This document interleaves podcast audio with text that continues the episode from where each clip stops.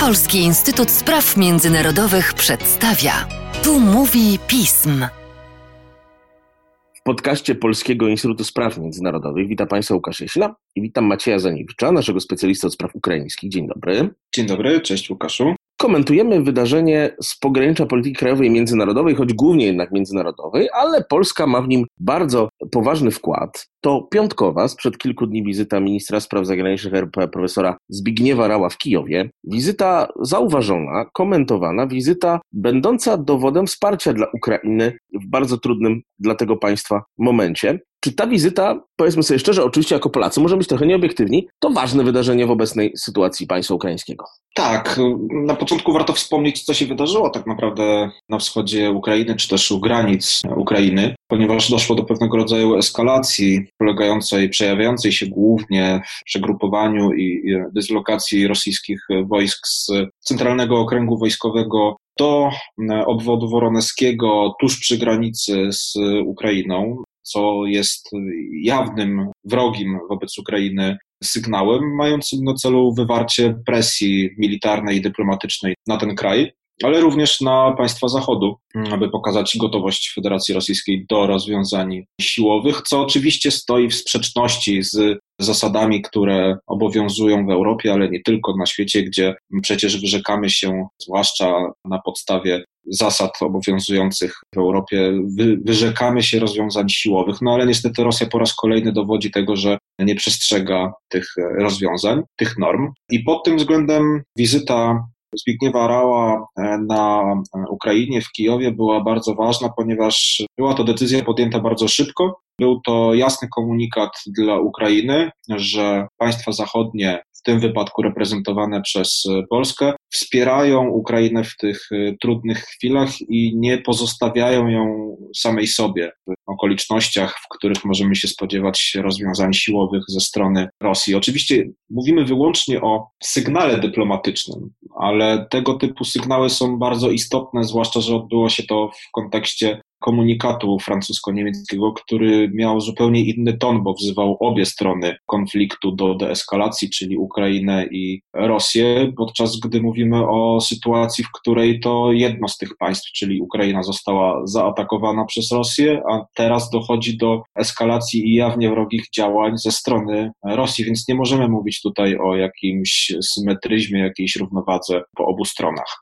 I tak naprawdę ta wizyta doprowadziła już do pewnych e, zmian, bo powoli obserwujemy zmianę e, tonu wypowiedzi dyplomacji niemieckiej, zwłaszcza, który powoli zaczyna iść właśnie w kierunku bardziej ostrym wobec Federacji Rosyjskiej. Choć warto też przy okazji zaznaczyć, że głos Polski nie był odosobniony, ponieważ równie stanowcze stanowisko zabrała dyplomacja amerykańska w osobie prezydenta Stanów Zjednoczonych, który bardzo szybko też zatelefonował do prezydenta Ukrainy, wyrażając wsparcie w tym momencie. Jak myślisz, dlaczego takie, nie inne oświadczenie padło ze strony dyplomacji francuskiej i niemieckiej? To jest przecież zupełnie inny sposób podejścia do tych spraw niż w wypadku Polski czy Stanów Zjednoczonych, a Francja i Niemcy są jednak e, elementem formatu normandzkiego, ciągle formalnie istniejącego. Tak, zgadza się i to jest główny problem z perspektywy ukraińskiej. Sądzę, że jest tutaj pewna dysproporcja w ocenie zagrożeń, potencjalnych ryzyk i zysków oraz e, podejściu w ogóle do łagodzenia pewnych konfliktów. Z jednej strony mamy podejście wyrażane głównie przez dyplomację niemiecką, która wydaje mi się wychodzi z założenia, że e, konflikt pełnoskalowy z Federacją Rosyjską jest na tyle mało prawdopodobny, a działania obecne agresywne rosyjskie są na tyle mało zagrażające stabilności Unii Europejskiej i bezpieczeństwu w Europie, że można przymknąć oko na pewne zachowania Federacji Rosyjskiej, mając na uwadze potencjalne zyski wynikające ze współpracy z tym państwem, jak na przykład zyski wynikające z budowy Nord Stream 2. I mówimy tu nie tylko o zyskach obecnych z przesyłu gazu, ale też o potencjalnych zyskach z przesyłu wodoru produkowanego w Rosji w przyszłości, a więc z perspektywy Niemiec jest to inwestycja strategiczna, długoterminowa. Natomiast z perspektywy polskiej czy amerykańskiej, no są to zachowania absolutnie dopuszczalne, zwłaszcza ze strony polskiej, która też geograficznie po prostu leży bliżej, a więc postrzega te działania Federacji Rosyjskiej za naruszające ład i niedopuszczalne, wobec czego jest bardziej skłonna do zajmowania bardziej ostrego, jednoznacznego stanowiska. Czy podczas rozmów ministra Rała z ukraińskimi partnerami powstała jakaś inicjatywa rozwiązania problemów z niedziałającym formatem normandzkim? Tych pomysłów jest wiele, dlatego że w tym momencie to jest główny cel dyplomacji ukraińskiej. Wołodymyr Zełański na początku, gdy doszedł do władzy, jego głównym celem było doprowadzenie do pokoju w Donbasie. E, był przekonany, że z wykorzystaniem obecnych e, instrumentów, takich jak format normandzki czy, czy porozumienia mińskie, jest to możliwe. Okazuje się, że nie jest to możliwe, bo nie ma z jednej strony woli politycznej ze strony Rosji do osiągnięcia kompromisu, a z drugiej strony nie ma woli politycznej do wywarcia nacisku na Rosję ze strony Francji czy Niemiec, które są właśnie kluczowe w rozmowach w formacie normandzkim. Stąd w tym momencie celem ukraińskiej dyplomacji jest doprowadzenie do zmiany tego formatu i zaangażowania głównie Stanów Zjednoczonych do rozmów, a więc tego państwa, które po pierwsze zajmuje bardziej jednoznaczne stanowisko wobec Rosji, a po drugie ma dużo większy potencjał też dyplomatyczny, no bo o ile Rosja e, może ignorować e, stanowisko Niemiec, uważając je za państwo słabe na gruncie militarnym na przykład, o tyle wobec Stanów Zjednoczonych nie może sobie na to pozwalać, a niestety dyplomacja rosyjska przede wszystkim rozumie język e, siły w,